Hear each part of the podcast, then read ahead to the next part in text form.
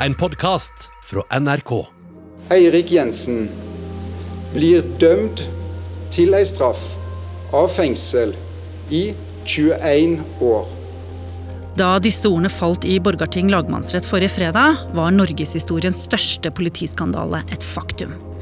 En av polititoppene i Oslo, mannen som var selve spydspissen mot organisert kriminalitet, og som skulle sprenge narkotikaligaer med sine banebrytende metoder, hadde i virkeligheten selv blitt kriminell og sørga for at Norges største hasjsmugler aldri ble tatt. Og ikke bare det.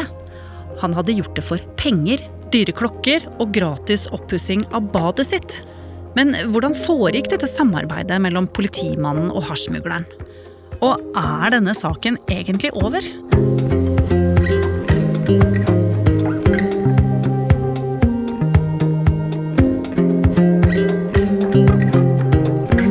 Hører på Oppdatert. Jeg heter Ragna Nordenborg.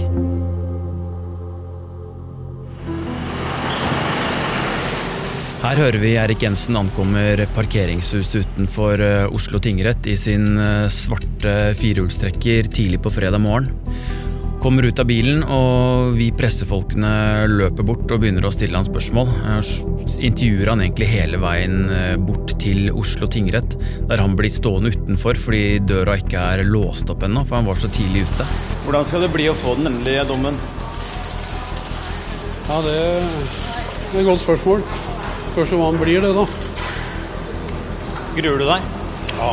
Runar Henriksen Jørstad er krimjournalist i NRK og har laga podkasten Purk eller skurk om Jensen-saken. Vi ser jo at han er tydelig spent. Det er bare noen få minutter til han skal få svaret på om han dømmes til en lang, lang fengselsstraff, eller om han kan gå ut som en fri mann. Hvis du dømmes, mener du at det er et justismord, eller har du gjort ting som fortjener straff? Jeg tror de fleste politifolk i en eller annen setning har gjort ting som fortjener straff. Men eh, det er graden av straff og hva som legges til grunn. Men sier du da at du har gjort ting som er straffbart, øh, som også gjelder denne tiltalen?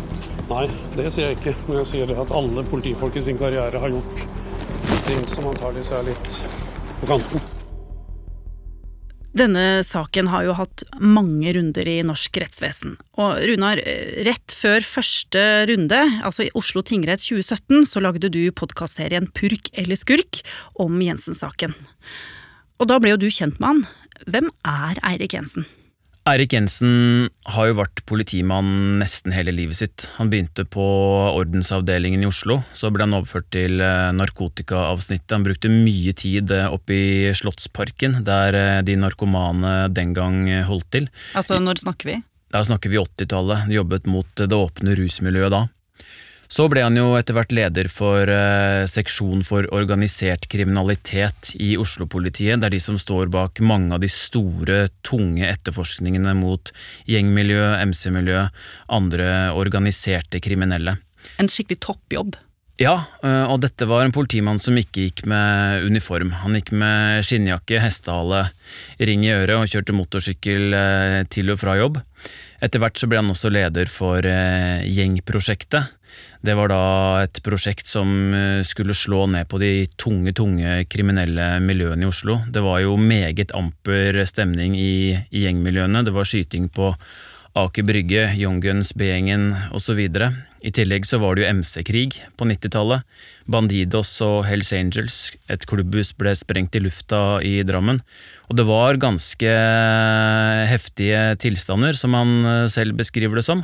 Og han ledet av dette prosjektet med å prøve å roe ned disse tunge gjengmiljøene og hindre skyting på åpen gate i Oslo. I podkasten så møtte jo du mange av de som hadde vært borti eh, Jensen. Både venner og kolleger, men også kriminelle. Mm. Eh, hva fortalte folk om ham? Eh, flere av de vi har snakket med, forteller jo om at de kriminelle hata jo Erik Jensen, mange av de, men samtidig så var det flere som hadde respekt for han, for han hadde en litt annen tilnærming. Eh, Erik Jensens filosofi var jo å ta på deg skoa og kom deg ut og snakke med folk.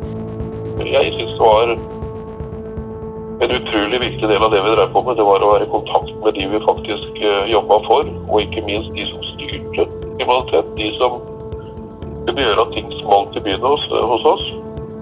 De måtte du bli kjent med. De måtte skjønne hvor de tenkte, eller hvordan de tenkte. Hvor grensene gikk. Hvor de hadde ømme punkter. Altså Det er masse sånt, og de får du ikke ved å sitte og bla i en bok, sånn som man ofte gjør i dag. Det er bøker, og det er mastergrader eh, på absolutt alt, og det er sertifiseringer. Det kreative politiindividet, han er helt uinteressant. Og han er utfordring på systemet. Utfordring på systemet. Og I tillegg til da å ha dialog med tunge kriminelle, så trengte de også å få informasjon fra andre. Så Jensen har jo også jobbet mye med kilder i kriminelle miljøer og informantbehandling. Altså informanter i kriminelle miljøer som gir politiet informasjon, slik at de da kanskje kan eh, løse andre saker og, og pågripe store aktører. Så han snakka med folk som var villige til å snakke med politiet, altså tystere. Ja, tystere blir det jo kalt uh, innad i de kriminelle miljøene. Politiet er jo helt avhengig av å ha informanter i ulike miljøer for å få informasjon og kanskje være i forkant av at det skal skje en skyteepisode, et ran, et, et drap, hva som helst. Og nettopp informantbehandling, kilder, har jo blitt et meget relevant tema i rettssakene. Så Eirik Jensen var en betrodd og veldig profilert politileder. Ja, alle vi som jobba med krimsaker visste godt hvem Eirik Jensen var. Så jeg blei mildt sagt overraska da jeg fikk vite at det var han som var blitt pågrepet av sine egne på vei inn på politihuset en tidlig morgen vinteren 2014. Denne morgenen er Erik Jensen eh, på vei på jobb. Det er en helt eh, vanlig dag for han foreløpig. Han parkerer på sin eh, vanlige plass tidlig på morgenen. Men så skjer det noe som ikke er vanlig. Mannen som er vant til å fange kjeltringer, blir plutselig tatt selv av sine egne kollegaer, som til og med er bevæpna. Han skriver i boka si at der rakna livet hans.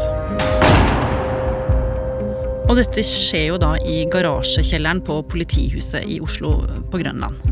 Hva skjer etter det? Så ble Erik Jensen kjørt til eh, Asker og Bærum eh, politistasjon, som det den gang het. Kunne ikke sette han inn eh, på politihuset i Oslo, siden han jobbet der selv. Så får han da vite at han er siktet for medvirkning til innførsel av tonnevis med hasj til Norge, og grov korrupsjon. Og det som så venter, er mange, mange lange avhør og varetektsfengsling. Han sitter eh, til sammen 100 dager på en celle på Kongsvinger fengsel. Og dette er jo helt drøyt. Altså, dette er jo en av toppgutta i politiet i Norge som sitter der og er tiltalt for disse tingene. Ja, det her er ikke hverdagskost i Norge. Vi har aldri hatt en så alvorlig tiltale mot en politimann noensinne. Og han ble jo dømt også, og fikk landets aller strengeste fengselsstraff, 21 år. Men hva var det som felte ham? Da kommer da det andre navnet i denne saken inn, nemlig Gjermund Cappelen. Jeg har hørt noen, versert noen rykter om at jeg skal ha blitt presset til å Anne Jensen på en måte. Og det er ikke sånn dette fungerer. For det første så var det ingen som hadde tilgang til meg når jeg satt i isolasjon nede på G. Og for det andre så er det ikke sånn at jeg ringte på døra i Asker og Bærum og sa at her er jeg, nå skal jeg angi Erik Jensen. Fungerer ikke på den måten. Ja, her hører vi Gjermund Cappelen i intervju med deg i Purk eller skurk. Hvem er han? Gjermund Cappelen, eller Gjermund Torud, som han het da Erik Jensen eh, ble kjent med han, begynte tidlig med narkotika selv. Aldri hatt noe fast inntekt, omtrent. Og han blir jo da kalt uh, narkobaronen uh, i denne rettssaken her, da. Han vokste opp uh, i Oslo, uh, sier han har drevet med omfattende innførsel av uh, narkotika i mange, mange år. Han har kjørt luksusbiler, og han har hatt et vanvittig pengeforbruk. Hvordan var fasaden til Gjermund Cappelen? Der jeg var selvstendig næringsdrivende. Solgte biler, drev med aksjehandel etc. etc. Noe av det var riktig, andre ting var litt overdrevet, kan du si. Mm. Og dette dobbeltlivet, det har han kunnet holde på med uten å bli tatt av politiet. Ja, han holdt på i årevis, til eh, politiets eh, store frustrasjon, altså politiet i Asker og Bærum. De sier jo at de har prøvd å ta han mange, mange, mange ganger, men hver gang tampen brant og de trodde de skulle få tatt den, så smatt den unna. Hvordan er det mulig? Det lurte også politiet i Asker og Bærum på, så de begynte å spane enda mer på han. Og en dag i 2013 så visste de at han skulle møte noen. Så de lå på hjul, de hadde til og med rigga seg til i en leilighet der de visste møtet skulle foregå, ned på bakkeplan. Og mens de da ligger og filmer og følger med på det som skjer, så ser de at det kommer en person gående som skal møte Gjermund Cappelen. Og det var ingen ringere enn Eirik Jensen. Men det er jo ikke så rart. Det er jo Eirik Jensen vi snakker om her, som møter kriminelle hele tida. Ja, Eirik Jensen sier det var jo ikke noe rart med det møtet her i det hele tatt heller. Men Gjermund Cappell derimot har jo en helt annen forklaring på hvorfor de møttes. Og det er jo da opp til retten å vurdere hva som er bevist og ikke bevist, da. For det jeg lurer på, er jo hvem av dere som ljuger. Ja, det er jo da tusenkronerspørsmålet. Gjermund Cappelen sier at eh, han og Erik Jensen har samarbeida om å smugle hasj inn til Norge i årevis. Eirik Jensen skaffer informasjon når det er trygt å få hasjen over grensa, når politiet er opptatt med andre saker, og så får da Eirik Jensen betalt 500 kroner per kilo hasj inn til Norge av Gjermund Cappelen, sier han. Og dette mener jo Gjermund Cappelen at han kan bevise gjennom tekstmeldingene de har sendt til hverandre, Eirik Jensen og Cappelen. Ja, politiet har jo beslaglagt en hel haug med mobiltelefoner. Og så har de klart å trekke ut eh, tusenvis av SMS-er som er skrevet mellom Eirik Jensen og Gjermund Cappelen, og påtalemyndigheten mener jo da at disse meldingene beviser hvordan Gjermund Cappelen og Eirik Jensen har samarbeida. I dag startet rettssaken mot Cappelen og polititoppen Eirik Jensen. Og da rettssaken mot Eirik Jensen kom opp i Oslo tingrett i januar i 2017, så ble jo hele Norge engasjert i dette såkalte blomsterspråket. Altså denne spesielle måten disse to hadde kommunisert seg imellom på. Stille og sol, trygt å sole seg med rett faktor, kontoret er tynt bemanna. Altså Runar, Dette høres jo ut som det er tatt rett ut fra TV-serien Breaking Bad. Hva sier Cappelen at dette betyr? Gjermund Cappelen sier at dette er eh, grønt lys fra Eirik Jensen. Nå er det enten trygt å få hasjen over grensa, eller så er det trygt å laste den fra traileren til eh, varebilen eh, der den står ute i Bærum. At han har fått en veldig ro over å ha dette samarbeidet med Jensen, at han har følt seg helt trygg på å ikke bli tatt. Jensen derimot sier at dette er eh, kodede meldinger eh, de to imellom. Han sier eh, Gjermund Cappelen var en av hans desidert beste informanter, og at de måtte kommunisere sånn så ingen utenforstående skulle forstå hva de skrev, i frykt for at Gjermund Cappelen skulle bli avslørt som tyster. Og I tillegg så sier han at noen av meldingene rett og slett handler om at det var fint vær den dagen. Ja, Uh, Snakka de mye om været sammen, disse to? Det vet jeg ikke, men de snakka i hvert fall mye sammen. Vi må huske på at eh, dette er to personer som har kjent hverandre helt siden 1993, da Eirik Jensen eh, kom inn eh, på politihuset og Gjermund Cappelen var pågrepet i en helt annen sak. Og etter hvert så fikk de tettere og tettere kontakt. Erik Jensen har jo også sagt at denne kontakten ble altfor nær. Gjermund Cappelen hadde til dels store rusproblemer. Eh, Erik Jensen har eh, forklart i retten hvordan han, han hjalp Cappelen. Han var mann på avrusning til Spania. Cappelen skulle også bodd eh, flere uker hjemme hos Erik Jensen. Så det er vel nesten det eneste de to er enige om, at de kjente hverandre godt og så har de ulike forklaringer på hvorfor de holdt kontakten. For Jensen sa jo under rettssaken at Cappelen hadde vært en av politiets aller beste informanter gjennom tidene, men at han ikke visste at Cappelen drev med storimport av hasj. Ja, han sier det, men det her tror jo ikke dommerne på i det hele tatt. I et notat som Erik Jensen har skrevet til dansk politi, så står det jo svart på hvitt at uh, Gjermund Cappelen er en stor aktør innen narkotikavirksomhet, men så sier det Erik Jensen at han trodde Cappelen hadde slutta med det her, og begynte med klokker og eiendom og, og kunst i stedet. At når de hadde noe med hverandre å gjøre, så var da hasjimporten et tilbakelagt stadium. Det sier Eirik Jensen, ja. Men når vi hører på hva Gjermund Cappelen sier, så er jo forklaringen denne at Jensen har fått penger av han og har hatt et økonomisk eh, motiv for å sende disse meldingene og hjelpe han til å bli en suksessfull hasjsmugler. Ja. Men da dommen i Oslo tingrett falt i september 2017, så har jo ikke dommerne trodd på Eirik Jensen.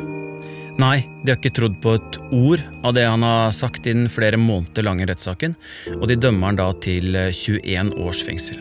Eh, han så til dels fattet ut med tanke på den knusende dommen som kom i dag i Oslo tinghus. Så blir det en ny runde i lagmannsretten, norgeshistoriens siste rettssak med en jury. Juryen frikjenner Jensen for medvirkning til hasjsmugling, men dømmeren for grov korrupsjon.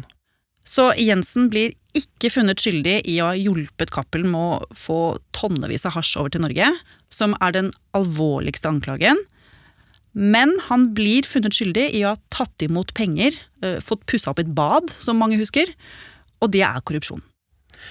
Ja, og jeg sitter jo ved siden av Eirik Jensen når eh, dette leses opp, og jeg hører at han trekker et uh, lettelsens sukk når han skjønner at han ikke får 21 års fengsel.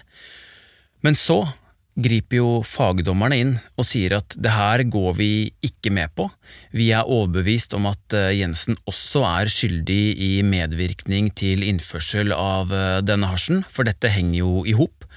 Så de setter da hele juryens kjennelse til side, og det blir enda en ny rettssak. Og det er derfor du møtte en veldig spent Eirik Jensen før dommen skulle bli avsagt i lagmannsretten på fredag. Ja, og det var da vi skulle få det endelige svaret på om han var purk eller skurk. Dom blir nå avsagt, og jeg ber om at alle reiser seg når domsslutninga blir lest opp.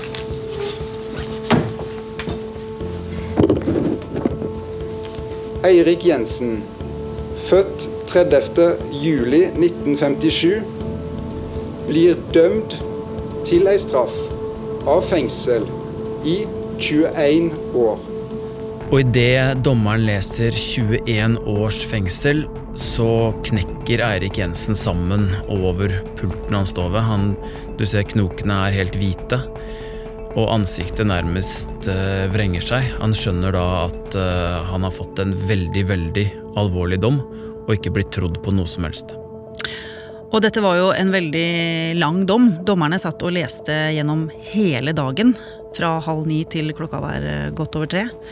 Og i dommen så kommer det jo veldig tydelig fram at dommerne ikke har trodd på Eirik Jensen i det hele tatt. Altså, De har ikke trodd at eh, han ikke har visst hva Cappelen holdt på med.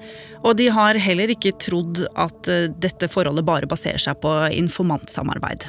Nei, de mener de to har samarbeida om å innføre tonnevis med hasj til Norge i ti år. Og Gjermund Cappelen fikk også dommen sin på fredag, og han fikk 13 år. Og grunnen til at han fikk betydelig lavere straff enn Eirik Jensen, det var annet fordi han har gitt informasjon om dette samarbeidet han har hatt med Eirik Jensen, til politiet. Ja. Og etter at Eirik Jensen har fått deler av dommen lest opp, så blir det en rettspause, og da blir det ganske dramatisk. Han blir rett og slett eh, arrestert av eh, spesialenheten inne i rettssalen, før han da får resten av dommen opplest. Og på grunn av dette så får ikke du snakka noe mer med han den dagen, men dagen etter, da de skal finne ut om han skal sitte i varetekt eh, fram til han skal inn i det ordentlige fengselet eller ikke, da får du snakka med han, Runar. Mm. Hvordan har det siste døgnet vært? Ja, det ser dere på meg. Hva syns du om dommen, da? Jeg tror eh, Elden har kommentert dommen eh, ganske greit. Eh, det er utrolig mye for oss å ta tak i her. Og det er mye jobb som gjenstår. Men jeg vil si, for å si det veldig diplomatisk, så syns jeg dommen er skåret til for å passe. Og at man har unnlatt å legge merke til noen av anmerkningene til forsvarer. Eh, når det gjelder Cappelens troverdighet og hans forklaringer. Så det er jo noe vi må jobbe med for å synliggjøre. Men Runar, han snakker jo her Erik Jensen som om dette ikke er over? Ja, han gjør det, og han har jo varslet at han eh, anker til Høyesterett. Og under dette fengslingsmøtet så sa jo forsvareren hans, Jon Christian Elden, at skyldspørsmålet er ikke avgjort i denne saken, slik Spesialenheten mener. De mener dommen ikke er godt nok eh, begrunna, og at det ikke er godt nok bevist at Eirik Jensen har bistått disse hasjinnførslene, og Elden sier at han ser ikke bort ifra at Høyesterett kan eh, sette hele denne dommen til side, og at Jensen kan bli en fri mann likevel. Men er det virkelig mulig, Runar, at Eirik Jensen kan bli en fri mann? I teorien ja. I Høyesterett så ser man på to ting. For det første straffeutmålingen, altså hvor lang straffen skal være, hvor mange års fengsel Eirik Jensen skal få. Men i tillegg så kan de også se på om det har blitt gjort noe feil, sånn at dommen ikke er gyldig. Og Jon Christian Elden, som er Erik Jensen sin forsvarer, mener jo nettopp det. Han mener at i dommen så er det ikke godt nok bevist at Erik Jensen har bistått ved disse 21 innførslene av nesten 14 tonn hasj. Han sier at de har bare kommet med et slags sammendrag der de skriver at Erik Jensen bisto i ti år, hjalp Gjermund Cappelen med å få denne narkotikaen inn til Norge. Eh, forsvareren mener det her ikke holder, og at Høyesterett dermed kan slette hele dommen, eller eventuelt sende den tilbake til lagmannsretten enda en gang, altså for tredje gang. Så har vi, eller har vi ikke, fått vite om Eirik Jensen er purk eller skurk? Noen mener vi har det, uh, Jensen sin forsvarer mener vi ikke har det. Og så får vi se om Høyesterett i det hele tatt uh, vil ta i denne saken. De fleste ekspertene mener jo at uh, det vil den gjøre, og da kommer det kanskje enda en runde til der. Men om de skal vurdere om Erik Jensen er purk eller skurk eller ikke, eller om de kun vurderer om han kanskje skal sone ett år mindre i fengsel, det vet vi ikke ennå.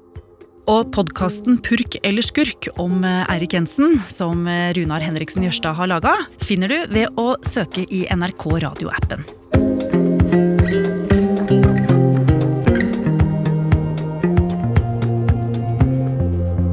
Oppdatert er en podkast fra NRK Nyheter. Og hvis du ikke vil gå glipp av neste episode, så kan du abonnere i appen NRK Radio. Bare søk på Oppdatert, så finner du oss. Denne episoden var laget av Katrine Nybø, Petter Sommer og meg, Ragna Nordenborg. Vil du kontakte oss, gjør det på oppdatert krøllalfa nrk.no. Du har hørt en podkast fra NRK. Hør flere podkaster og din favorittkanal i appen NRK Radio.